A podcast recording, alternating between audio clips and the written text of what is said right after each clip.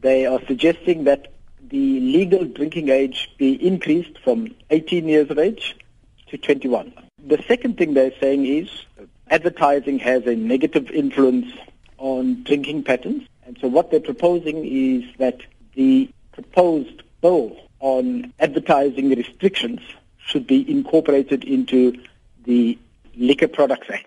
Hy sê van die voorstelle is ten doel om die sosio-ekonomiese gevolge van drankmisbruik te beperk. They would like to see a situation where manufacturers and retailers are held responsible for some of the consequences associated with alcohol abuse. And then they're also proposing that industry should fund a levy. So a levy be contributed, go into government's coffers, and money from that levy should be used to deal with the adverse effects of alcohol abuse. Die departement van handel en nywerheid wil ook sien dat transformasie vinniger geskied en dat die toekenning van dranklisensies direk afhanklik is van die status van swart ekonomiese bemagtiging. Daar is ook 'n voorstel dat geen drank versprei of verkoop word binne 'n radius van 500 meter vanaf kerke, skole en openbare instellings nie. Moore se kritiek teen die voorstelle is dat dit nie noodwendig uitvoerbaar is nie.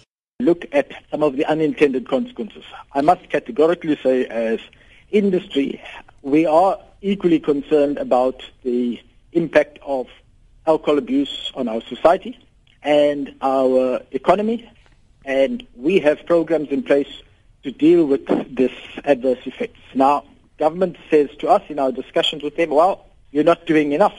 So which means we need to do a bit more.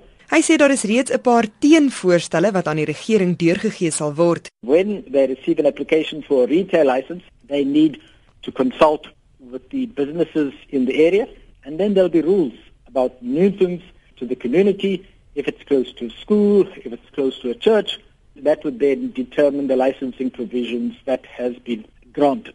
Now, if we're saying that those laws if they're properly enforced, you shouldn't have situations where a retailer is, is a nuisance in a commercial area. Hy het ook beklemtoon dat dit nog net voorstelle vir beleidsverandering is waarop latere wetgewing moontlik geskoei kan word. Dit is nog lank nie wet nie. Die konsultasieproses sal nou tot 13 Augustus 2015 duur. Daarna kan dit maande of selfs jare neem vir wetswysiging om goedgekeur te word.